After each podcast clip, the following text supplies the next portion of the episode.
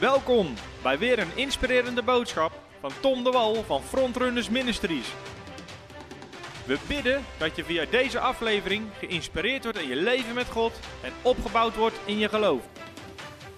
Hallo allemaal en van harte welkom weer bij deze nieuwe uitzending van Voice of Faith. En vandaag gaan we het hebben over een heel bijzonder en misschien ook wel een uniek thema, namelijk beloningen in de hemel. Hoe zit dat precies? Nou, deze uitzending, de meeste Voice of Faith uitzendingen zijn live. Deze keer hebben we hem vooraf opgenomen, omdat ik twee weken achter elkaar niet in staat ben om live Voice of Faith te geven. Omdat één week ben ik even een weekje weg met Fem en de kinderen. En de week daarna hebben we onze Revival Week, dus dan houden we uh, de avond dat je het kijkt, een uh, of bevrijdingsdienst. Maar we hebben wel weer prachtig onderwijs voor jullie opgenomen. En deze week had ik op mijn hart om onderwijs te geven over het thema beloningen in de hemel. Regelmatig als ik ergens spreek, of in een seminar of op bijbelschool, dan refereer ik er wel eens naar dat de Bijbel ons leert dat later, als we, de hemel, als we naar de hemel gaan, als we in de hemel komen, dat God ons daar zal belonen voor dingen die we op aarde gedaan hebben. En dat niet iedereen dezelfde beloning krijgt. Want je beloning is afhankelijk van wat je op aarde gedaan hebt en hoe je het op aarde gedaan hebt. Nou, als ik dat wel eens aanhaal, dan krijg je behoorlijk uh, verraste reacties regelmatig van mensen die zich daar totaal niet bewust van zijn. Het algemene gedachtegoed is van, in de hemel later is iedereen gelijk. We hebben allemaal hetzelfde en we zijn allemaal hetzelfde. En dat is niet waar. Dat is niet wat de Bijbel ons leert. De Bijbel leert ons dat er later in de hemel wel degelijk een verschil zit in de beloningen die mensen ontvangen, de verantwoordelijkheden die ze daar krijgen, de dingen die ze daar mogen doen. Dus daar zit wel degelijk een verschil in. En daar wil ik deze uitzending naar gaan kijken, naar die beloningen in de hemel. Wat zegt de Bijbel daarover? En kijk, het is sowieso belangrijk. Uh, op deze aarde kunnen we niks meenemen, niks fysiek, niks materieels kunnen we meenemen naar de hemel. Nou, de Bijbel zegt in 1 Timotheus 6, vers 7, want wij hebben niets de wereld ingedragen. In andere woorden, als je geboren wordt op aarde, je hebt geen horloge om je pols, je hebt geen schoenen aan, je hebt geen geld op zak. We worden allemaal naakt geboren. En het is ook duidelijk dat wij niets daaruit kunnen wegdragen. Dus van onze materiële goederen kunnen wij niks meenemen de eeuwigheid in. En dat spreekt voor zich. Alleen heel soms, laatst las ik nog een keer een, uh, een uh, nieuwsartikel van een rapper met heel veel geld. En die wilde uh, in zijn grafkist, wilde die dat een paar miljoen werd bijgestopt aan bankbiljetten. Uh, omdat hij die mee wilde nemen om zichzelf de hemel in te kopen.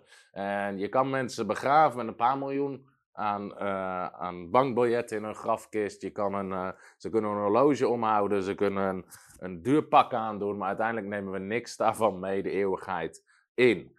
Dus van onze materiële goederen kunnen we hier op aarde niks de eeuwigheid meenemen. Tenzij, en daar komt het eigenlijk de tenzij, we het hier op aarde al inzetten voor de bouw van Gods koninkrijk. Want de Bijbel leert ons dat wat wij hier op aarde doen, dat dat een invloed heeft op hoe wij de eeuwigheid doorbrengen en dat daar bepaalde beloningen aan gekoppeld zitten. Laten we eens even een paar teksten lezen over die beloningen in de hemel. De Bijbel zegt in Openbaring 11, vers 18. Het tijdstip is gekomen voor de doden om geoordeeld te worden. En om het loon te geven, om de beloning te geven aan uw dienstknechten, de profeten, en aan de heiligen. En aan de heiligen staat daar. En aan de heiligen. Dus dat spreekt over de gelovigen. Ook die krijgen loon. En aan hen die uw naam vrezen, de kleine en de grote. Dus op het moment dat de doden geoordeeld worden, is er ook een moment van beloning. Openbaring 14 vanaf vers 13. En ik hoorde een stem uit de hemel zeggen: Schrijf, zalig zijn de doden die in de Here sterven. Dus dit gaat over de gelovigen. Van nu aan, ja, zegt de geest, zodat zij rusten van hun inspanningen en hun werken volgen met hen. Dus de werken die ze op aarde hebben gedaan, die volgen met hen. 2 Johannes 1 vers 8 zegt, let op uzelf, opdat wij niet verliezen waarvoor wij gewerkt hebben. Waarvoor wij gewerkt hebben. Dus ze werkten bewust voor bepaalde dingen, maar een vol loon mogen ontvangen. Maar een vol loon mogen ontvangen. Nou, dit zijn maar een paar teksten, ik ga er straks nog meer voorlezen. Maar in al deze teksten zie je, je werken volgen met je, er wordt loon gegeven aan de heiligen en de gelovigen die zullen een loon, een beloning ontvangen. Nou, als we daar ons van bewust van zijn dat later in de hemel we beloond worden voor wat we hier op aarde doen, En dat uiteindelijk in de hemel brengen we de hele eeuwigheid door. Ons leven hier op aarde is als een vingerknip zo kort vergeleken met het leven wat we doorbrengen in de eeuwigheid bij de Heer. Dan zal dat een bepaalde uh, mindset bij ons creëren waarin we leven gericht op de eeuwigheid. En niet zozeer op het hier en nu. Aan de ene kant, we leven hier en nu en dat is ook goed en belangrijk om ook gewoon daar bewust van te zijn. Mogen ook van genieten. Dit is gewoon het leven wat God ons gegeven heeft. Maar tegelijkertijd een bewustheid gericht op de eeuwigheid. Dat waar we uiteindelijk het allerlangste doorbrengen is in de eeuwigheid bij God. En dat wat we hier doen op aarde een verschil kan maken in de eeuwigheid. Met, die met dat bewustzijn leefde Paulus ook. En op deze tekst is de naam van onze bediening Frontrunners gebaseerd. In 1 Korinthe 9, vers 24, daar zegt Paulus namelijk: Weet u niet dat zij die in de renbaan lopen, allemaal wel lopen. Dus hij vergelijkt hier met een hardloopwedstrijd. Ze rennen allemaal. Maar dat slechts één de prijs ontvangt. Er is maar één iemand die krijgt de prijs. Loop dan zo dat u die verkrijgt. Nou, Paulus probeert ons hier niet te onderwijzen dat maar van alle christenen maar één iemand een prijs krijgt van God. Hij probeert hier een motivatie in ons aan te wakkeren dat wij ons best doen en proberen om die prijs te winnen. En aan iedereen die aan een wedstrijd deelneemt, die beheerst zich in alles. Dus atleten zijn gedisciplineerd in training, voeding, al die dingen meer. Zij nu, dus de, gewoon de wereldsatleten, doen dat om een vergankelijke, dus een tijdelijke krans of kroon te ontvangen. Maar wij doen dat, zegt Paulus, om een onvergankelijke krans of kroon, dus een eeuwige kroon te ontvangen. Ik loop daarom niet zonder duidelijk doel en ik vecht zo met de vuist dat ik niet meer wat in de lucht sla, gelijk niet met boksen. Ik oefen mijn lichaam op harde wijze en maak het dienstbaar. Dus Paulus zegt, ik leef gedisciplineerd, omdat ik niet misschien de andere gepredikte hebben zelf verwerpelijk word. Nou, wat zegt Paulus hier? Hij leeft een leven gericht op de eeuwigheid. En als christenen zullen beseffen wat God voor ons heeft klaarliggen in de eeuwigheid en dat wat wij hier op aarde doen uh, bepaalt hoe we leven in de eeuwigheid, dan zal dat bij ons een bepaalde urgentie wekken in onze geest en in onze levenshouding. Dat het leven hier op aarde is zeer kort. Wat mijn part wordt je 160 jaar, maar dan nog is het zeer kort in vergelijking met de eeuwigheid. En sommige mensen die leven een leven gericht op het hier en nu. En dat noemt Jezus schatten verzamelen op aarde. En ze zijn altijd bezig met hun eigen leven, zo goed mogelijk, zo rijk mogelijk, of zo luxe mogelijk, of zo gemakkelijk mogelijk, of zo lui mogelijk, of zo wat dan ook. Maar mensen die hier op aarde, en wat dat betreft misschien ook heel succesvol kunnen zijn, kunnen voor hemelse begrippen en eeuwigheidsbegrippen helemaal niet succesvol zijn. En hoe rijk ze hier op aarde zijn, dat is misschien wel hoe weinig ze zullen hebben qua beloningen en uh, verantwoordelijkheid wat God ze geeft in de eeuwigheid. En daar gaan we eens wat teksten over lezen. En wat we moeten beseffen is, wat we wel kunnen meenemen naar de eeuwigheid, is wat wij doen voor andere mensen. Nummer 1, het winnen van zielen. Iedere ziel die hier op aarde zijn leven geeft aan Jezus Christus, is iemand waarmee je de eeuwigheid doorbrengt. Mensen kun je meenemen naar de eeuwigheid. Dus het winnen van zielen, het discipelen van mensen en wat wij doen voor andere mensen. Jezus leert ons zelfs in Matthäus hoofdstuk 25, best wel een schokkende tekst, gaat over het laatste oordeel. En het frappante daar in die tekst is, is dat mensen niet eens geoordeeld worden op hun geloof in Jezus Christus. En we weten dat we geoordeeld worden op basis van ons geloof in Jezus Christus, vanuit andere teksten. Maar in die tekst verwijst Jezus, hij vraagt puur, wat heb je gedaan voor hen die ziek zijn? Wat heb je gedaan voor hen die arm zijn? Wat heb je gedaan voor hen die, die in de gevangenis zitten? En er waren mensen die bezochten ze, die hielpen ze, die zegenden hun. En Jezus zegt dan, joh, ga in in de eeuwige vreugde. Maar er waren ook mensen die zeiden, waar hebben we u ziek gezien? Waar hebben we u gevangen gezien? Want Jezus leert, alles wat je doet voor een ander, doe je als ware voor mij. Doe je voor mij. En dat oordeel waar we daarover lezen, vindt puur plaats op wat mensen gedaan hebben voor andere mensen. Niet wat ze gedaan hebben voor zichzelf, wat ze gedaan hebben voor andere mensen. Nou, wat ook wat ook weinig mensen beseffen, en ik weet niet hoe dit precies zit, maar is dat er zelfs een verschil zit in oordeel aan de negatieve kant. Als het gaat om mensen die niet de eeuwigheid doorbrengen bij God. Dat zelfs daar gradaties in zijn van hoe zwaar dat oordeel is. Jezus leert ons namelijk dit in Matthäus 10, en er zijn meer teksten, maar daar ga ik nu niet op in, omdat het niet het doel is van deze video. Jezus leert ons in Matthäus 10, vers 23, en u, Capernaum, die tot de hemel toe verhoogd bent, u zult tot de hel toe neergestoten worden. Want als in Sodom hij naar Sodom en Gomorra. De krachten gebeurd waren die in u hebben plaatsgevonden, de wonderen, hè, die daar gebeurde, dan zou het tot op de huidige dag gebleven zijn. In andere woorden hadden ze zich bekeerd en dan was die stad daar nog. Maar ik zeg u dat het voor het land Sodom verdragelijker zal zijn op de dag van oordeel dan voor u. Hoe dit precies zit, weet ik niet. Maar ik weet wel dat Jezus ons leert hier dat Sodom een lichter oordeel ontvangt. Ze ontvangen nog steeds oordeel, maar een lichter oordeel dan Capernaum. Omdat Capernaum zich niet bekeerd heeft op de komst van Jezus en de wonderen die Jezus daar deed. Dus dat is gewoon belangrijk om te beseffen. Er is een oordeel in de eeuwigheid. En er zijn beloningen in de eeuwigheid. Dus nogmaals, het feit dat christenen denken, later in de hemel is iedereen gelijk. Nee, we zijn allemaal gelijk in het feit dat we gered worden. Dat we voor eeuwig behouden zijn. Als het gaat om wedergeboren christenen. Dat is ook de gelijkenis van Jezus die die mensen dan roept om te werken in de wijngaard. Of ze nou de laatste, laatste uur zijn aangeschoven of heel de dag hebben meegewerkt. Uiteindelijk krijgen ze allemaal dezelfde beloning. Maar dat gaat over redding. Ze worden allemaal gered. Maar in de hemel zijn er verschillende beloningen.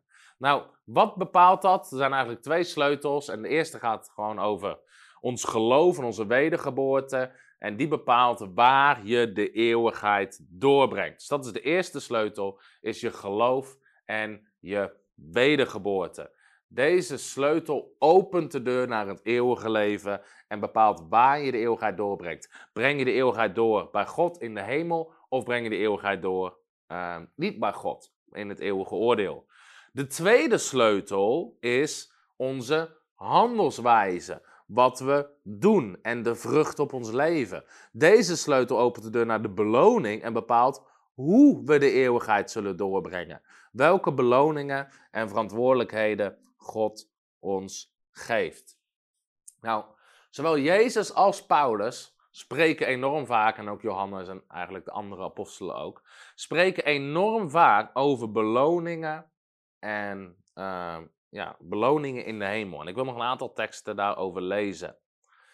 Gewoon, dit is gewoon iets waar wij vaak, um, door de reformatie, dat we ons zo bewust zijn wat goed is van redding en rechtvaardiging door geloof en genade, dat we soms helemaal uit het oog zijn verloren dat, we, dat onze werken wel degelijk meetellen voor God. Dus niet in het feit of we gered worden, maar wel of we beloond worden en in welke hoedanigheid we beloond worden.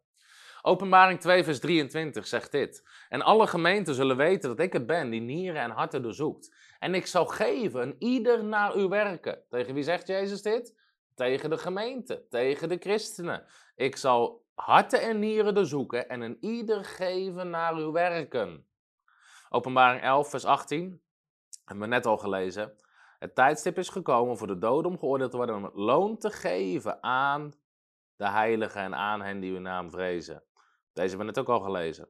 Openbaring 14. Zalig zijn de doden die in de Here sterven, want hun werken volgen met hen. Nou, laten we nog wat meer teksten lezen. Jezus zei in Lucas 6, zalig bent u wanneer de mensen u haten, en wanneer ze u uitstoten en u smaden en uw naam als slecht verwerpen, omwille van de Zoon des Mensen. Verblijd u op die dag en spring op van vreugde, want zie, uw loon is groot in de hemel. Uw loon is groot in de hemel. Hun vader deden evenzo met de profeten. Matthäus 16, vers 27. Want de zoon des mensen zal komen in de heerlijkheid van zijn vader met zijn engelen. En dan zal hij in ieder vergelden naar zijn daden. Hij zal een ieder vergelden naar zijn daden. Nou, al deze teksten maken duidelijk dat we niet allemaal hetzelfde krijgen in de eeuwigheid. Sommige mensen zeggen, ja, wat is die beloning dan? Nou, dat ga ik zo meteen laten zien. Waarvoor worden we beloond? Ga ik ook laten zien. Um, zodat mensen gewoon begrijpen waar dit over gaat. Maar we moeten dus begrijpen, en ik zeg wel eens voor de grap, God is geen socialist. Het socialisme het denken dat alles wordt eerlijk en gelijk verdeeld. Als de een veel heeft en de ander heeft weinig, moet dat gelijk verdeeld worden. Opdat we allemaal evenveel hebben. Dat is het socialisme. Je pakt van de rijken, je geeft het aan de armen. Uh, iedereen verdient hetzelfde salaris. Dat is socialistisch en communistisch denken. Maar Jezus is geen socialist en Jezus is ook geen communist. De gelijkenis van de talenten. Jezus geeft een 1 5, aan de ander 2, aan de ander 1. En degene die maar één had en niet goed mee omging, geeft hij nog eens een keer aan degene die het al verdubbeld had. En degene die er tien talenten van had gemaakt. Dus Jezus is geen socialist. En dat zien we in heel veel gelijkenissen en onderwijs van Jezus. Dus ook in de hemel wordt in die zin niet iedereen gelijk behandeld. Nou, we moeten gewoon beseffen, en ook dit is iets wat ik bij veel christenen soms dat besef dat ze dat niet meer hebben, is dat de Bijbel ons leert dat er een dag komt waarop ook de christenen geoordeeld of beoordeeld zullen worden voor wat ze gedaan hebben. De Bijbel spreekt over verschillende momenten van oordeel, maar er is een moment van oordeel waarop je bepaald wordt uh, of je naam in het boek des levens staat, of dat daar niet uitgewist is. Nou, dat gaat over je redding. Maar daarna zegt de Bijbel, moeten we allemaal verschijnen voor de rechterstoel van Christus, waar we beloond zullen worden. Hebreeën 9, vers 27. En dit geldt dus voor alle mensen, niet alleen voor niet-christenen. Hebreeën 9, vers 27. En zoals het voor de mensen beschikt is, dat zij eenmaal moeten sterven en daarna het oordeel volgt. Daarna het oordeel volgt. Paulus schrijft in Romeinen 14, vers 10. U echter, wat oordeelt uw broeder? Nou, dit is ook heel leerzaam, want Paulus zegt, er komt een dag dat God oordeelt. Dus wees niet zo druk om allemaal elkaar te oordelen. U echter, wat oordeelt u uw broeder? Of ook wat minacht u uw broeder? Wat kijk je neer op je broeder? Wij zullen toch allemaal, zegt Paulus, voor de christenen, wij zullen allemaal voor de rechterstoel van Christus gesteld worden. Allemaal.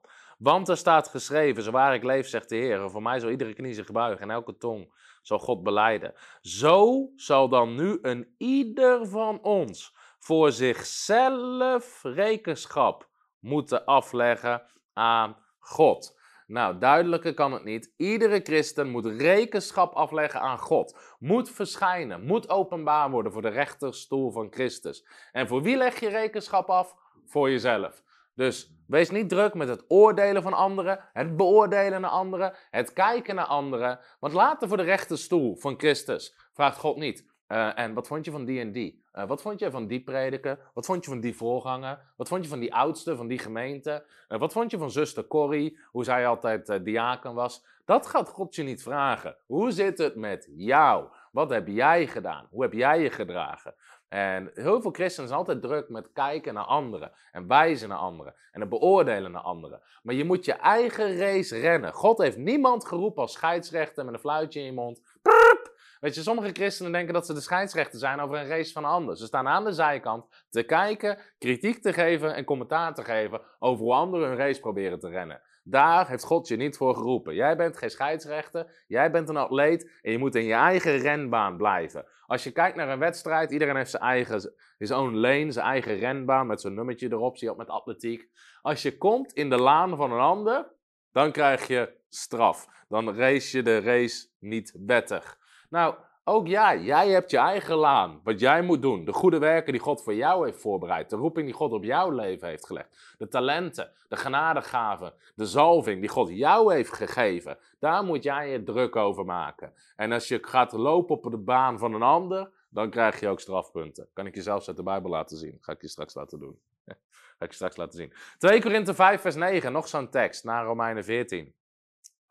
Daar zegt Paulus dit. Daarom stellen wij er ook een eer in. Het zij inwonend, het zij uitwonend. Om hem wel behagelijk te zijn. Want wij, schrijft hij naar de gelovigen, moeten allemaal voor de rechterstoel van Christus openbaar worden. We moeten allemaal daar verschijnen. Opdat een ieder vergelding ontvangt wat hij door middel van zijn lichaam gedaan heeft. Wat je hier op aarde gedaan heeft. God heeft je een lichaam gegeven. Met een geest en een ziel erin. Dat is jouw verantwoordelijkheid. En wat jij daarmee doet, is jouw verantwoordelijkheid. Het zij goed, het zij kwaad. Dus ook christenen moeten nog krijgen nog steeds vergelding voor wat ze doen. Het zij goed, het zij kwaad. Nou, even, even terug voordat we verder gaan lezen. Daarom kan je het overgeven aan God. Misschien heb je heel veel goeds voor iemand gedaan. Heb je iemand geholpen? Weet ik voor hoeveel je bent gegaan. Elke keer om te helpen en heeft iemand uiteindelijk toch Jezus afgewezen. Of wil jou niet meer zien of er is ruzie ontstaan. Weet je, sommige christenen blijven daarmee hangen. Ja, maar wat ik toen heb gedaan voor die en die persoon. Uiteindelijk heb je het niet voor hem gedaan, je hebt het voor God gedaan. Laat het los. Uiteindelijk is God degene die beloont. En God degene die vergeldt. En verwacht dat niet van mensen. Ten tweede ook, het zij kwaad, zegt Paulus. Dus ook aan de andere kant even op, als mensen jou kwaad aan doen, de Bijbel zegt, geef de wraak over aan de Heer. Geef het over aan God, want Hij zal vergelden. God is degene. Dus mensen je kwaad aan doen, je benadelen, pijn doen, geef het over aan de Heer en laat het los. Jij hoeft er niks mee te doen. Vers 11.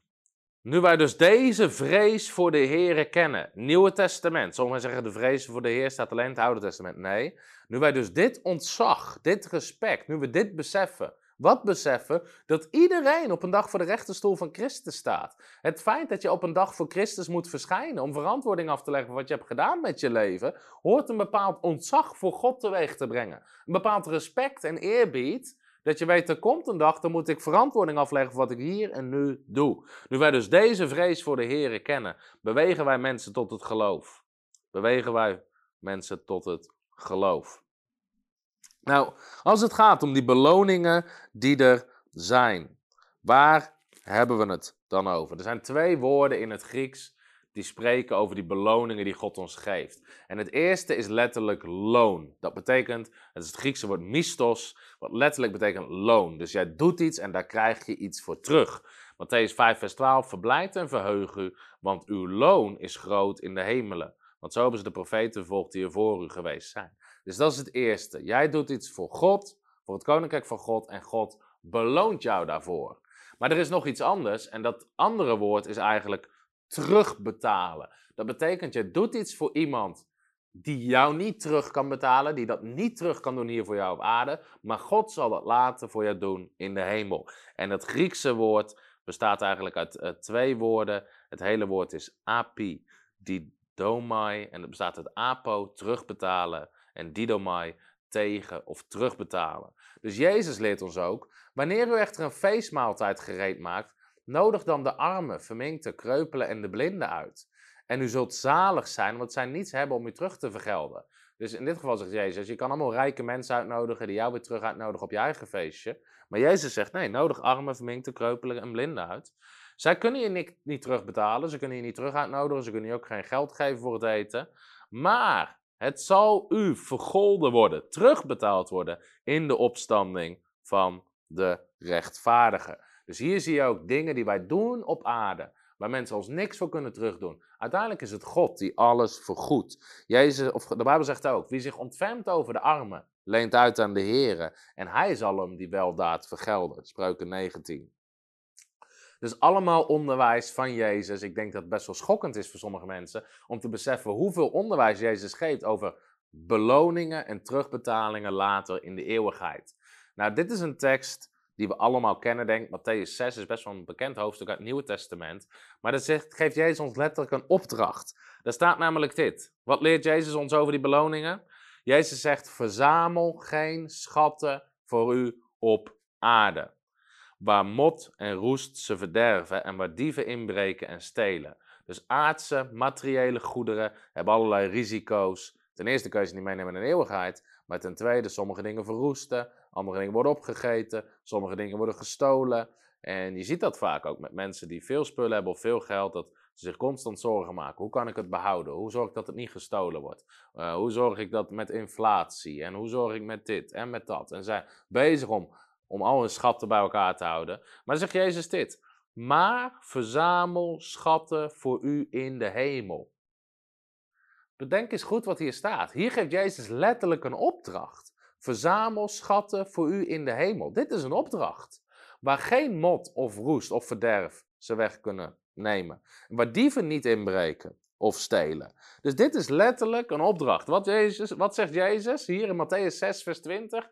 Wat moeten we doen? Schatten verzamelen. Wat moeten we doen met schatten? Verzamel ze. Jezus zegt letterlijk hier: verzamel schatten. Er zijn heel veel christenen zeggen: ja, daar gaat het niet om. Jezus zegt dat je schatten moet verzamelen in de hemel. Als Jezus het zegt, gaat het daar wel om. We moeten afleggen al die valse nederigheid. En ik snap ook wel dat je motief is niet schatten verzamelen. Ik doe dit, want dan krijg ik een schat in de hemel. Ik ga het zo meteen hebben over schatten of over motieven. Maar Jezus zegt: verzamel schatten op aarde. Dit is gebiedende wijs. Dit is een opdracht. Dit is een gebod uit het Nieuwe Testament. Het is Gods bedoeling dat wij schatten verzamelen in de hemel. Daarom zegt Johannes: let op dat wij een vol loon mogen ontvangen. En niet verliezen waar we voor gewerkt hebben. 2 Johannes 7, vers 8. Nou, wie moet schatten verzamelen? Jezus zegt: voor uzelf. Voor uzelf. Verzamel schatten voor u in de hemel. Dus je verzamelt schatten voor jezelf. Niemand anders kan dat doen voor jou. Jij moet bij de rechterstoel van Christus uh, verantwoording afleggen voor wat jij hebt gedaan. En waar moet je schatten verzamelen? In de hemel, in de eeuwigheid. Nou, ik zeg al, heel veel christenen zeggen, ja, maar weet je, ik verdien helemaal geen beloning. Ik hoef helemaal geen beloning. Leg af die valse nederigheid. Als Jezus jou een beloning wil geven, als Jezus... Sommige mensen denken dat het nederigheid is om dingen af te wijzen. Nee, nee, nee, dat hoeft niet. Nee, nederigheid naar God is je vernedert je onder God. Dat betekent dat je gewoon accepteert wat God zegt, wat God wil doen en wat God wil geven. En als God zelf in zijn soevereiniteit heeft bepaald om ons beloningen te geven, dan is nederigheid zeggen: Dank u Heer, als u dit wil geven, neem ik het aan. Neem ik het aan. Wat leert Jezus ons eigenlijk in Matthäus 6? Even een mooie samenvatting, een mooie quote. Het is nodig om op aarde schatten weg te geven, om ze voor uzelf te verzamelen in de hemel. Want in de context zegt Jezus, weet je, bid, vast, geef geld weg. En het is, het is dus nodig om op aarde schatten weg te geven, om ze in de hemel te verzamelen. Nou, dit is die gelijkenis uh, met de wijngaard. Dus het gaat om redding. Maar dan zegt Jezus wel dit. Is het mij niet geoorloofd om met het mijne te doen wat ik wil? Of bent u afgunstig omdat ik goed ben? Dat zei Jezus, omdat uiteindelijk qua redding kreeg iedereen dezelfde beloning aan het eind.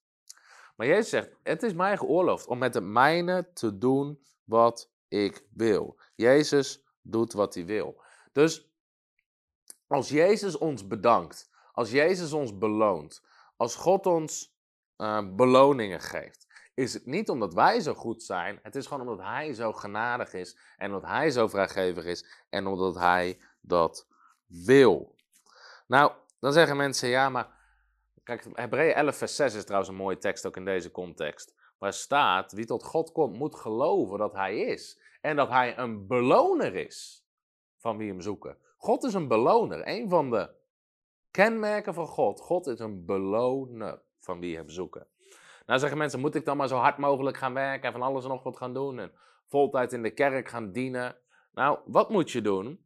Jij moet doen wat jij moet doen, wat jouw opdracht is voor God. Iedereen heeft een andere roeping. Ik kan je niet vertellen wat jouw genadegaven zijn, wat jouw roeping is, maar jij moet zelf daarvoor tijd apart zetten. Laat je trainen, volg een bijbelschool, kijk onderwijs, lees je bijbel, bid. Vraag God, Heer, wat is uw taak voor mij? Wat is mijn positie in uw lichaam? Sowieso heeft iedereen heeft een taak in het lichaam van Christus en daarmee ook in de lokale gemeente, geloof ik persoonlijk omdat de Bijbel leert ons dat we samen één lichaam zijn. En de Bijbel spreekt over de lokale gemeente, waar, eh, waar God ons genadegavingen, uh, zalvingen, bedieningen heeft gegeven om elkaar te dienen. Ter opbouw van het lichaam van Christus. Efeze 4 vers 16 zegt, we moeten allemaal werkzaam worden in het lichaam van Christus. Zo krijgt het lichaam zijn groei. Dus Jij, God heeft een taak voor jou in zijn gemeente. God heeft een taak voor jou in zijn koninkrijk. God heeft iets voor jou om te doen. Of bij bedieningen, of wat dan ook. Maar er is een taak voor jou in het koninkrijk van God. Want daar God heeft je talenten gegeven. Dus jij moet doen wat jij moet doen. Jezus zegt ook in Lucas 17: Zo moet ook u, wanneer u gedaan hebt wat u opgedragen is. Dus moet je alles doen? Nee, je moet doen wat jou opgedragen wordt. Waar God jou talenten voor heeft gegeven. Je moet je talent niet begraven, zoals in Matthäus 25. Je moet het gaan gebruiken. Dan moet je zeggen, wij zijn onder te slaven, we hebben slechts gedaan wat we moesten doen. Dus jij moet doen wat jij moet doen. En Efeze 2 vers 10 leert ons dat wij zijn zijn maaksel, Grieks staat daar kunstwerk, geschapen in Christus Jezus om goede werken te doen die God van tevoren bereid heeft, opdat wij daarin zouden wandelen. Wat leert de Bijbel ons hier? God heeft dingen voor ons voorbereid, opdat wij erin zouden wandelen. Dit is zo relaxed om te weten dat de dingen die je doet, heeft God in genade al voorbereid. Dat zijn de goede werken die God heeft voorbereid in genade. En je gaat erin door geloof. Je zet een stap in je geloof. Zeg, oké, Heer, ik ga dit doen en ik vertrouw erop dat u me bekwaam maakt. Dat u me zalving geeft, dat u me roeping geeft. En je doet gewoon wat God moet doen. En weet je, dit, dit wat ik nu doe, video's maken, uh, mensen toerusten via via media. We hebben bijbelschool.tv, we hebben honderden video's. Dat is iets wat God heeft gezegd wat we moesten doen. Via profetieën in mijn eigen hart. Dit is, dit is wat, dit, dit, God had dit al voorbereid. Voor, voor de grondlegging der wereld.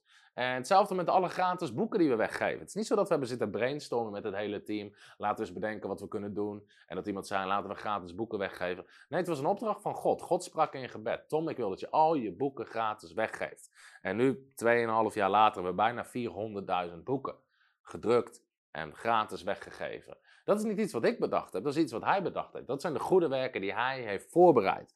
En of dat nou is, jij hoeft geen 400.000 boeken weg te geven. Jij moet doen wat jij moet doen. Je hoeft geen Billy Graham te zijn, geen Moeder Teresa te zijn. Jij moet gewoon dienen met de gaven die God jou gegeven heeft. Jij moet dienen met het bezit wat God jou gegeven heeft. Dat is wat jij moet doen. En dat is voor iedereen anders. En doe het goed. Deze tekst refereerde ik net aan, over niet op de baan van een ander rennen. En ook als iemand aan een wedstrijd deelneemt, en we nemen allemaal deel aan een wedstrijd, krijgt hij geen kans, geen beloning als hij de spelregels niet in acht genomen heeft. Een van de spelregels van de race is op je eigen stuk rennen en je niet bemoeien met de andere renners. Daar zijn scheidsrechters voor en God is onze scheidsrechter. Hij is degene die het oordeelt. Dus we moeten het goed doen. Nou, 1 Korinthe spreekt daar ook over. 1 Korinthe 3, daar leert Paulus ons dat het fundament is gelegd, namelijk Jezus Christus is het fundament in de gemeente. En Jezus Christus is het fundament van onze persoonlijke levens. Maar op dat fundament moet verder gebouwd worden. Wedergeboorte is stap 1. Dat is, je bent wedergeboren, Jezus Christus is het fundament van je leven. Maar nu moet er vrucht komen. Nu moet er verder gebouwd worden. Nu moet je in je roeping gaan wandelen. Nu moet je gaven gebouwd worden. Dus je gaat verder bouwen op dat fundament. En Christus is het fundament in de gemeente. En prijs God, we zijn bij elkaar. We zijn als lokale gemeente bij elkaar. We geloven Jezus Christus is het fundament. Maar nu moet er verder gebouwd worden. Nu moeten er nieuwe mensen bereikt worden. Nu moeten de mensen gediscipeld worden. Daar spreekt Paulus over in 1 Korinthe 3.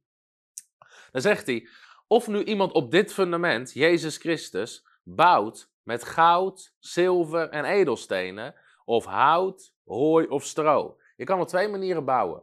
Goud, zilver of edelstenen, kostbare, duurzame materialen, of hout, hooi en stro. Goedkoop, makkelijk en snel te krijgen, maar het vergaat ook snel. Dit is kostbaar, duur en duurt enorm lang. Voordat goud of zilver of edelstenen, voordat die gecreëerd worden in de aardbodem, duurt heel lang. Maar het is enorm kostbaar en en sterk.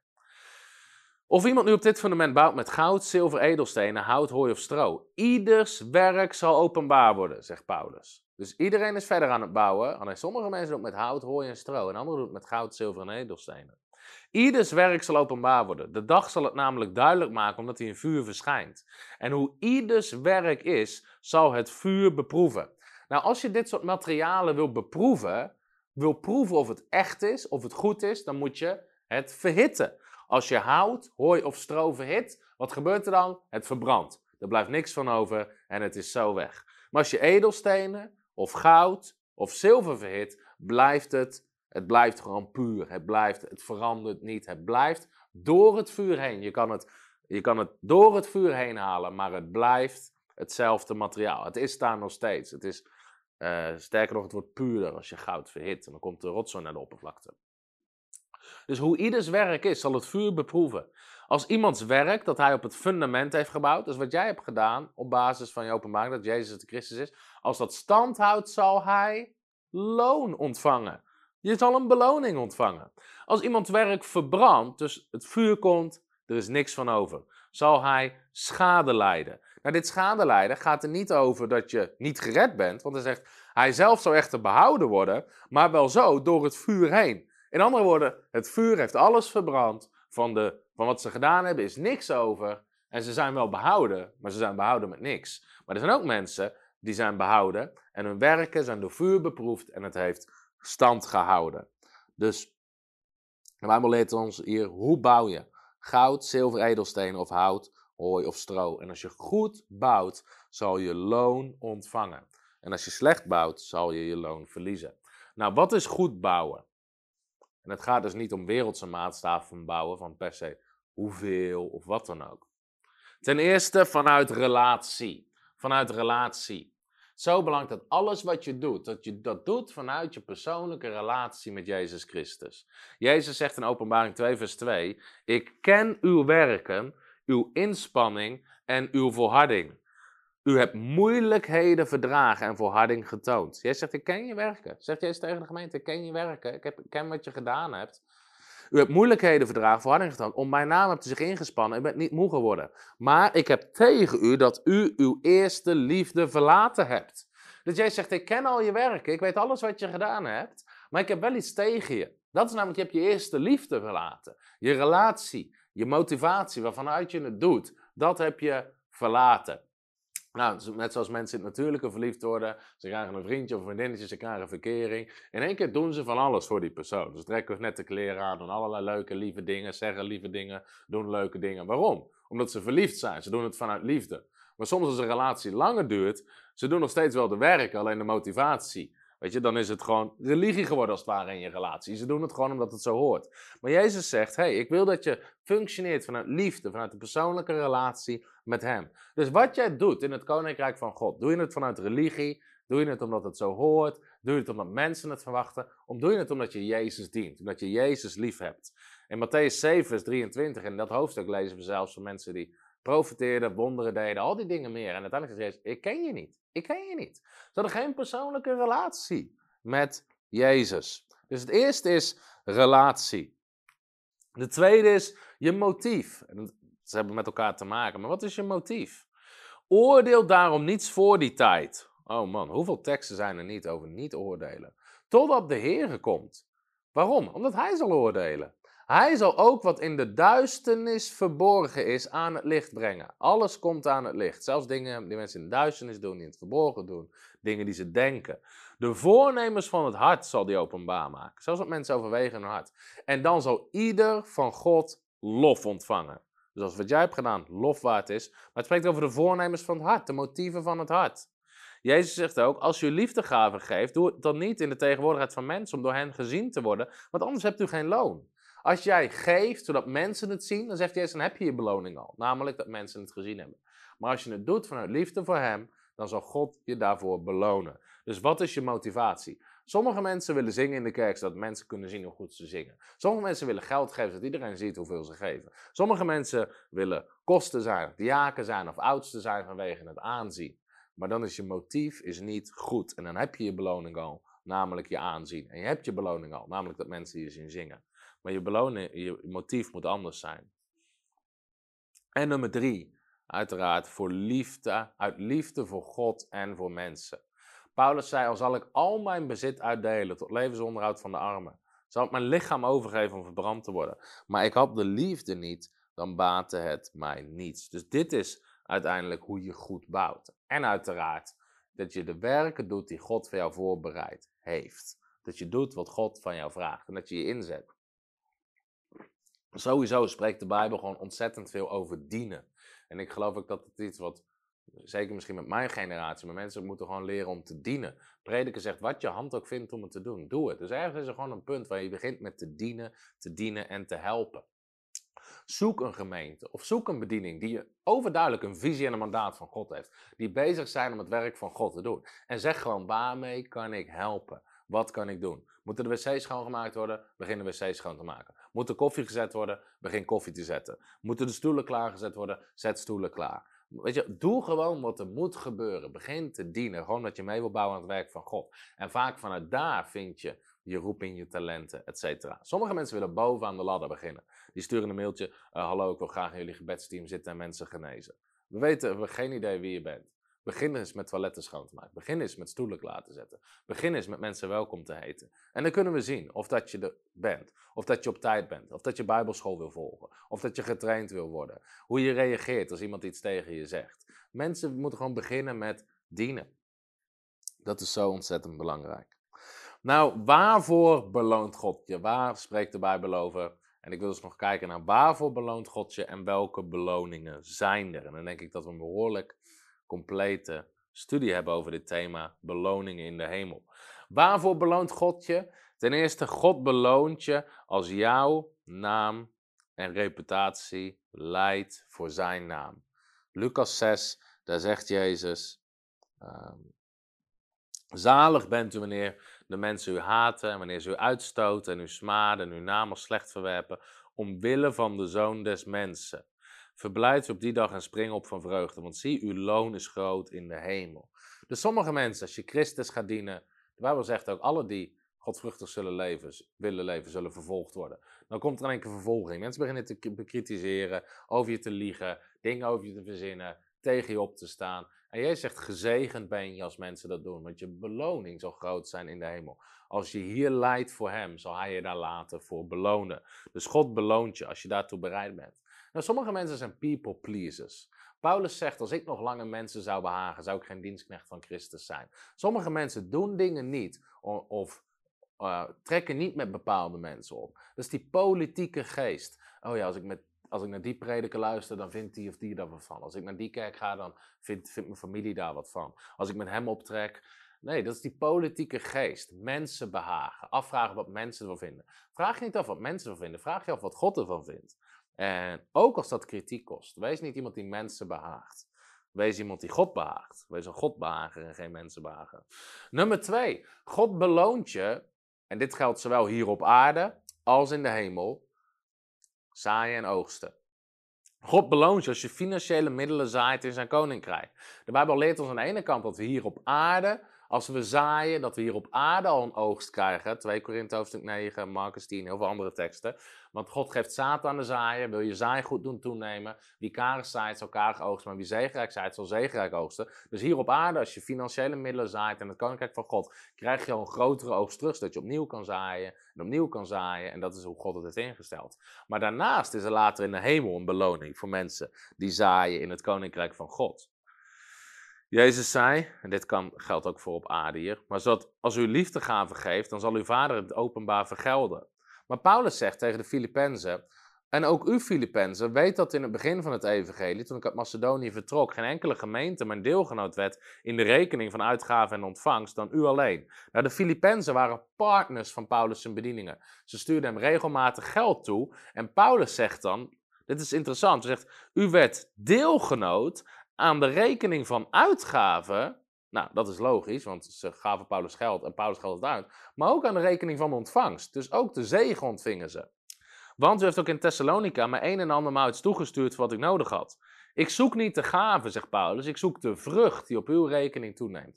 Dus op hun hemelse rekening nam de vrucht toe vanwege het geld wat ze zaaiden in de bediening van Paulus. En Paulus zegt hetzelfde tegen de rijk in 1 Timotheus 6. En in Nederland is iedereen rijk. En vergeleken met andere landen. Beveelde rijken in deze tegenwoordige wereld. Nou, ik denk dat wij dat bijna allemaal zijn. Als je kijkt, Nederland is het drie nou, voorspoedigste land ter wereld. We hebben huizen, auto's. Zelfs mensen die zeggen dat ze arm zijn, gaan vaak op vakantie. Uh, al die dingen meer. Nou, er zijn landen waar mensen niet eens eten hebben. Dus vergeleken daarmee is iedereen rijk. Beveelde rijken in deze tegenwoordige wereld, dat zij niet hoogmoedig zijn, hun hoop niet gevestigd houden op de onzekerheid van rijkdom, maar op de levende God, die ons in alle dingen in rijke mate verschaft om ervan te genieten. Dus je mag ook genieten van de dingen die God je geeft. Ook om goed te doen, rijk te zijn in goede werken, vrijgevig te zijn en bereid zijn om samen te delen. Want wat er gebeurt daar, als we vrijgevig zijn en delen, zo verzamelen zij voor zichzelf een schat. Zie je, ze verzamelen schat in de hemel. Een goed fundament voor de toekomst. Opdat zij het eeuwige leven verkrijgen. Dus wanneer je zaait, verzamel je schatten in de hemel. Jezus zegt, verzamel geen schatten op aarde, verzamel ze in de hemel. Dus God beloont je als jij zaait in het koninkrijk van God. Waarvoor beloont God je nog meer? God beloont je als jij je kruis opneemt en Hem volgt. Jezus zei Matthäus 16. Tegen zijn discipelen. Als iemand achter mij aan wil komen, moet hij zichzelf verloochenen. Zijn kruis opnemen en mij volgen. Dus jezelf wegcijferen, zijn kruis opnemen en mij volgen. Want wie zijn leven zal behouden, zal willen behouden, die zal het verliezen. Maar wie zijn leven zal verliezen, die zal het vinden. Wat baat het een mens als hij heel de wereld wint en zijn ziel schade leidt? Of wat zal een mens geven als losprijs voor zijn ziel? Want de zoon des mensen zal komen in de heerlijkheid van zijn vader met zijn engelen. En dan zal hij in ieder vergelden naar zijn daden. En dat staat in de context van je kruis opnemen, jezelf verlogen achter Jezus aankomen. Uiteindelijk zal hij je vergelden daarvoor. Hij zal je daarvoor terugbetalen. Matthäus 24, vers 44. Um, wees ook u daarom bereid, want op een uur waarop u het niet zou denken, zal de zoon des mensen komen. Wie is dan de trouwe en verstandige dienaar die zijn heer over zijn personeel aangesteld heeft om hun voedsel op de juiste tijd te geven? Zalig de dienaar die door zijn heren bij zijn komst zo handelend aangetroffen wordt. Dus als de heer komt, wil je handelend aangetroffen worden. Werkend voor zijn koninkrijk.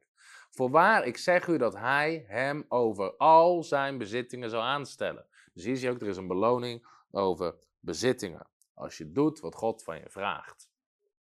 Waar beloont God je nog meer voor? Als je mensen in nood helpt namens hem die je niet terug kunnen betalen. Hier heb ik het over gehad, maar Marcus 9 zegt ook, want wie u een beker water te drinken zal geven in mijn naam, omdat u discipelen van Christus bent, voorwaar ik zeg u, hij zal zijn loon beslist niet verliezen. Jij zegt ook, heb uw vijanden lief en doe goed en leen zonder iets te hopen terug te krijgen. Dan zal uw loon groot zijn en zult u kinderen van de Allerhoogste zijn. Dan zal uw loon groot zijn. Dan zal uw loon groot zijn. Dus Jezus leert ons om dingen te doen voor mensen in nood. En de laatste, dit is een grappige, maar staat wel in de Bijbel. God zal u belonen als u zelfs een trouwe rentmeester stelt onder het gezag van uw werkgever. Dan heb ik hem even iets breder getrokken. De Bijbel spreekt vaak over slaven. Nou, je had, vroeger had je ehm, mensen die gewoon gekocht waren als slaven of verkocht waren als slaven. En ook mensen die dagloners waren, waren ook dienstknechten of slaven. Maar Paulus roept heel vaak die mensen op. En ondanks dat de Bijbel slavernij niet goedkeurt, um, daarom had God ook het jubeljaar waarin iedereen weer vrij zou komen. Dat is een ander onderwerp. Colossense 3 vers 22. Slaven, wees in alles uw aardse heren gehoorzaam, niet met ogendienst om als mensen te bagen, maar oprecht van hart in het vrezen van God. Paulus leert ons, doe je werk als voor de Heer. Doe je werk als voor de Heer. En alles wat u doet, doe dat van harte. Dus doe het vanuit je hart, met motivatie, met liefde. Als voor de Heer en niet voor mensen. In de wetenschap dat u van de Heer als vergelding de erfenis zult ontvangen. Uiteindelijk zal de Heer je vergelding geven. Efeze 6. Slaven, wees evenals aan Christus gehoorzaam aan uw Heer naar het vlees, met vrees en beven op recht van hart. Niet met ogendienst als mensenbeharers, maar als slaven van Christus. Uiteindelijk ben je een dienstknecht van Christus. Doe zo van harte de wil van God en dien met bereidwilligheid de Heer en niet de mensen. U weet immers dat wat ieder aan goeds gedaan heeft, dat hij van de Heere zal terugkrijgen. Hij zal het van de Heere terugkrijgen. Dus God beloont ons hiervoor. Nou, wat is die beloning? En daarmee gaan we afsluiten en dan hebben we weer een mooi stuk onderwijs te pakken. Wat zijn die beloningen nou? Nou, we weten niet, uh, misschien is er meer, maar de Bijbel leert ons in ieder geval een aantal dingen. Ten eerste zal in de hemel, zei ik al, is niet iedereen gelijk. We zullen daar, in de hemel zijn er nog steeds dingen om te doen, leert de Bijbel ons. En Afhankelijk van hoe je hier op aarde geleefd hebt, zal je verschillende verantwoordelijkheden toevertrouwd krijgen in de hemel. In Lucas 19 zegt Jezus dit. En hij zei tegen hem: Goed gedaan, goede dienaar. Wees, omdat u het minste getrouwd bent geweest, trouw bent geweest, niet getrouwd bent geweest, of u het minste trouw bent geweest, machthebber over tien steden. Dus Jezus stelt hier iemand aan over tien steden. Dus die leiden een hele regio. Toen kwam de tweede en zei, heer, uw pond. Dit spreekt over financiën ook, hè, hoe je financiën inzet. Uw pond heeft vijf ponden opgeleverd.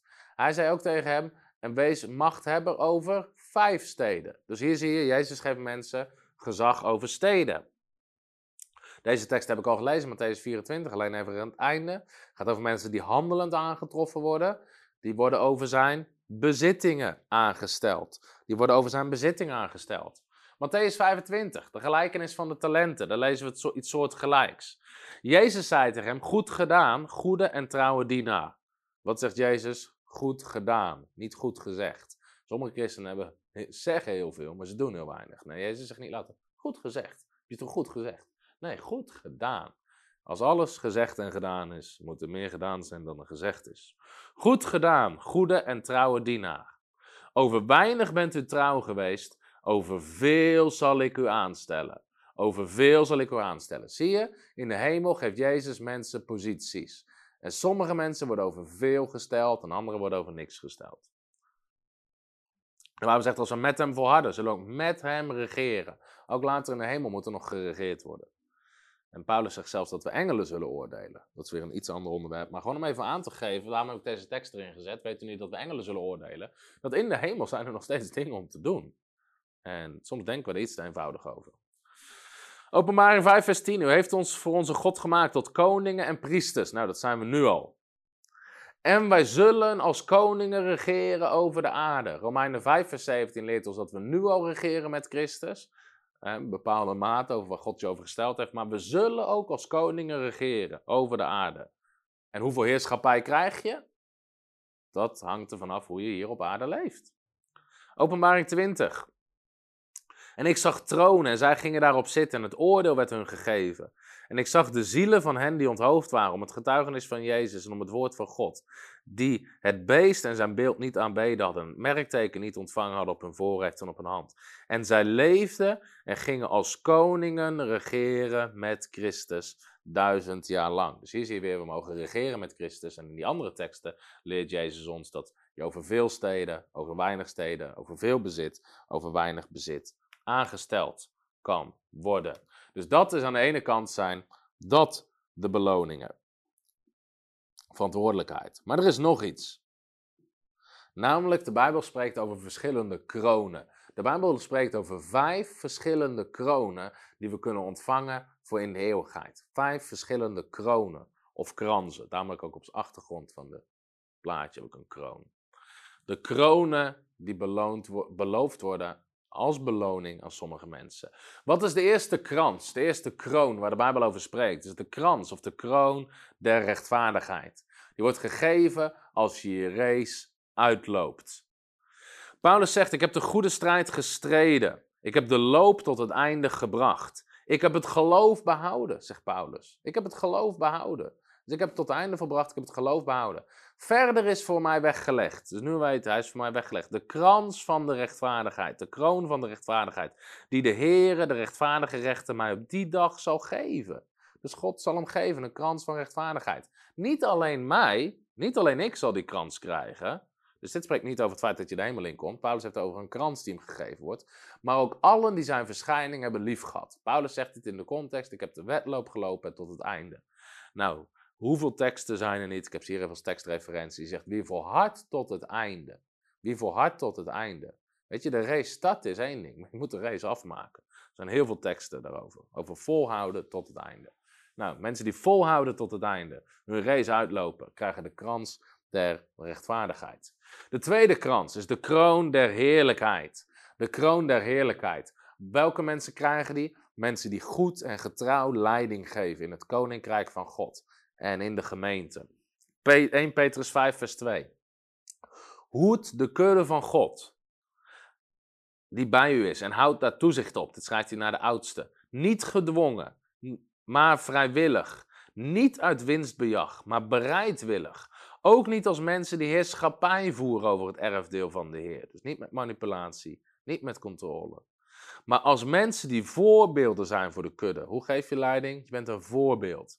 En als de opperherder verschijnt, zult u de onverwelkbare krans van de heerlijkheid verkrijgen. Dus er komt een dag, dan verschijnt de opperherder. En dan krijg je de krans of de kroon der heerlijkheid. Voor het goed leiding geven aan in de gemeente en in het koninkrijk van God.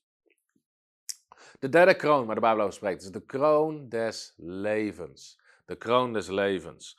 Voor hen die lijden die door beproevingen heen gaan, die dat goed doorstaan hebben en die trouw zijn tot in de dood. Openbaring 2, vers 10. Wees niet bevreesd wat u lijden zult. Zie de duivel zal sommigen van u in de gevangenis werpen, opdat u verzocht wordt. En u zult een verdrukking hebben van tien dagen. Wees trouw tot in de dood. En ik zal u de kroon van het leven geven.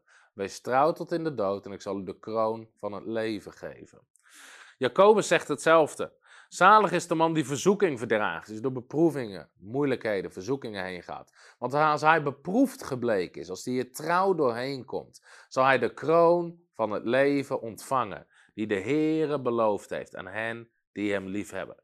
Dus hier wordt gesproken over de kroon des levens, voor hen die door beproevingen, lijden, moeilijkheden heen gaan en trouw blijven, die die beproevingen doorstaan hebben, die zullen krijgen de kroon des levens.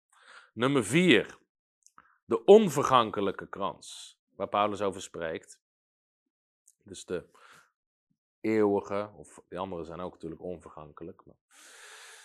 En weet u niet dat zij die in de renbaan lopen, alle wel lopen, maar slechts één de prijs krijgt? Loop zo dat u die krijgt. En ieder die aan een wedstrijd deelneemt, beheerst zich in alles. Zij doen dat om een vergankelijke, dus om een tijdelijke, een aardse krans. Maar wij doen dat om een eeuwige, een hemelse krans te krijgen. Dat zegt hij ook weer in context van je race zo goed mogelijk rennen. Timotheus, als iemand aan een wedstrijd deelneemt, krijgt hij geen krans als hij de spelregels niet in acht heeft genomen. Dus sommige mensen die nu heel hun leven scheidsrechten spelen en aan het fluiten zijn, die krijgen later in de hemel geen krans. En mensen die zij bekritiseerd hebben voor het rennen van hun race, die gewoon in hun laan bleven, deden wat zij moesten doen, zich niet druk maakten over wat anderen deden, die zullen wel die krans krijgen. Dus als ik jou was, zou ik stoppen met fluiten en gaan rennen. De erekroon, de laatste. De erekroon. Sommigen noemen het de soul winning crown. De kroon die we krijgen als we andere mensen meenemen naar de eeuwigheid, als we zielen winnen. 1 Thessalonicense 2 vers 19, daar zegt Paulus. Want wat is onze hoop, blijdschap of wat is onze erekroon? Bent u dat niet voor het aangezicht van onze Heer Jezus Christus bij zijn komst? Dus alle mensen die die meenemen naar de eeuwigheid, die gemeentes, die mensen die tot geloof waren gekomen. Paulus zegt, dat is mijn erekroon. Er zijn ook mensen die een visioen hadden van Jezus. Wat tegen Jezus zei, als je zielen wint, zal ik je geven de soul winning crown. Een kroon voor het winnen van zielen. Dus er zijn vijf kronen. En sommige mensen zullen misschien zeggen dat er overlap in zit. Dat snap ik allemaal. Maar er zijn in ieder geval vijf, zoals je het kan zien in de Bijbel, vijf verschillende kronen. Waar de Bijbel over spreekt dat als we die dingen doen, dat we die kroon zullen krijgen. Nou, wat is een mooie tekst om mee af te sluiten? Is een tekst uit Openbaring, waar, waar we lezen over de 24 oudsten, die uiteindelijk ook kronen hadden gekregen. Maar wat doen ze ermee? Ze geven het terug. Ze geven het terug. Ze leggen het weer voor de voeten van Jezus. Openbaring 4, vers 9. En telkens wanneer de dieren heerlijkheid, eer en dank brachten aan Hem, die op de troon zat en die leeft in alle eeuwigheid wierpen de 24 ouderlingen zich neer voor hem die op de troon zat, aanbaden hem die leeft in alle eeuwigheid en wierpen hun kronen neer voor de troon. Dus ze hadden kronen gekregen, maar ze wierpen ze weer neer voor de troon en zeiden, u bent het waard, Heer, om te ontvangen de heerlijkheid, de eer, de kracht. Want u hebt alle dingen geschapen en door uw wil bestaan zijn en zij zijn geschapen. Dus wat doen deze ouderlingen? Die pakken de kronen weer die ze gekregen hebben en ze geven ze terug. Weet je, zelfs in de hemel zijn er nog offers die we kunnen geven. Halleluja. Sommige mensen in Nederland, zodra het offer wordt opgehaald of in de collecte, lopen ze de dienst uit. moeten ze naar de wc, moeten ze een keer kijken hoe het bij hun kinderen is in de kinderdienst. Ze proberen altijd het offer te ontlopen. Maar zelfs in de hemel is er nog een offer. Waar je de kronen die je gekregen hebt, weer legt voor de voeten van Jezus. Zegt, Heer, alleen u bent waard. Alle eer, alle lof. Alles, alle dingen zijn door u gemaakt. En uiteindelijk is het allemaal door genade wat we ontvangen. Nou, dit is onderwijs over beloningen in de hemel. Ik snap dat dit voor sommige mensen heel erg vernieuwend is. Dat het je uitdaagt, dat het je challenged. En ik hoop in ieder geval dat het je zegent. Daar vertrouw ik op. Over de verschillende verantwoordelijkheden, verschillende bezittingen, verschillende kronen. En ik geloof dat het heel interessant onderwijs is. En ik bid vooral, dat wil ik gewoon ook over je uitbidden, dat er een besef in je geest komt.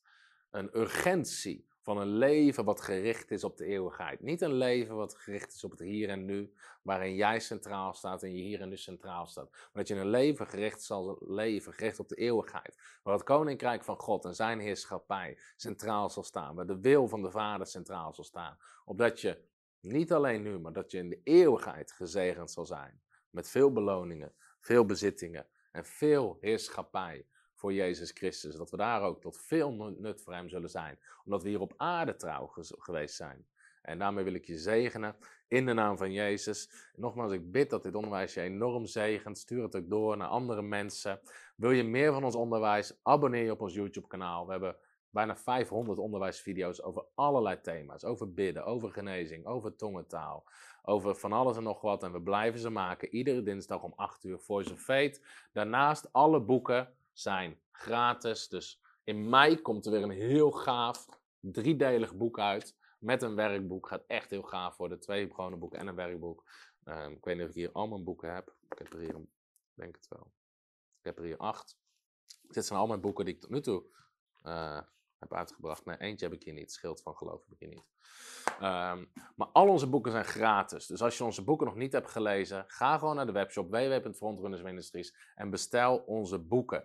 Ook voor andere mensen. We hebben boeken over genezing, over gebed, over wie je bent in Christus, over de waterdoop, over tongentaal, over de kracht van woorden. Uh, over al die dingen hebben we boeken. En we willen er gewoon mee zegenen. We willen mensen toerusten. Zoals ik al zei, we hebben, meer dan, of we hebben bijna 400.000 boeken, 382.500 boeken, de afgelopen drie jaar, 2,5 jaar gedrukt om gratis weg te geven. En we zien gewoon de impact daarvan in Nederland. Dus dat is geweldig. En we willen gewoon aansporen, deel ze uit, lees ze. Omdat we gewoon, wij hebben geloof voor Nederland. Dat God een machtig werk doet in Nederland. En we willen daar ook mensen voor toerusten. Dus als je het nog niet hebt gelezen, bestel ze gewoon gratis in onze webshop. Als je nog geen partner bent van Frontrunners, wil ik je echt van harte uitnodigen. Word partner van Frontrunners. Bouw mee. We hebben net gelezen op Paulus' zei tegen de Filippenzen. U heeft mij een en andermaal iets toegestuurd. Ik zoek niet naar de gave, ik zoek naar de vrucht die op uw rekening toeneemt. Dus wat ik vandaag heb behandeld, God zal je belonen voor de manier waarop jij hier op aarde inzet om zijn koninkrijk te bouwen, ook met je financiën. En Naast dat God je later in de hemel beloont, word je hier op aarde ook al beloond, want het is saai en oogsten. En ook wij willen je gewoon zegenen. Dus je krijgt alle nieuwe boeken die ik uitbreng, krijg je gratis thuisgestuurd. Vaak voor partners doen we een extra gave versie van het boek, een hardcover of een ander speciaal cadeau erbij. Gewoon om je te bedanken dat we samenwerken in het Koninkrijk van God om meer mensen te bereiken. Wij geloven God dit jaar voor verdubbeling. Dat we dubbel zoveel mensen bereiken, dat we dubbel zoveel boeken gaan weggeven, dat we dubbel zoveel mensen met onze video's gaan zegenen. En we gaan, willen ook dubbel zoveel mensen tot geloof zien komen. Ook dopen dit jaar. Dus we gaan binnenkort weer een aantal mooie campagnes doen. We zijn in ehm, we zijn in Ede voor een revival week. Die donderdag gaan we meer dan 100 mensen dopen. Meer dan 100 mensen dopen in water. Iets van 300, 400 mensen komen daar voor de vervulling met de Heilige Geest en met tongentaal die nog niet in tongentaal spreken.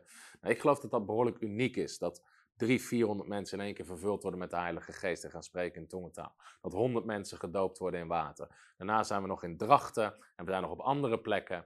Uh, gewoon omdat we het koninkrijk van God willen zien doorbreken in Nederland. Maar als jij partner bent, bouw je aan al die dingen mee. Dus die vrucht is ook vrucht op jouw leven. Dus als je nog geen partner bent, word partner. We geloven God voor verdubbeling in alles wat we doen. Maar ook voor dubbel zoveel partners, zodat we meer kunnen blijven doen. En uh, dus als je nog geen partner bent, word partner.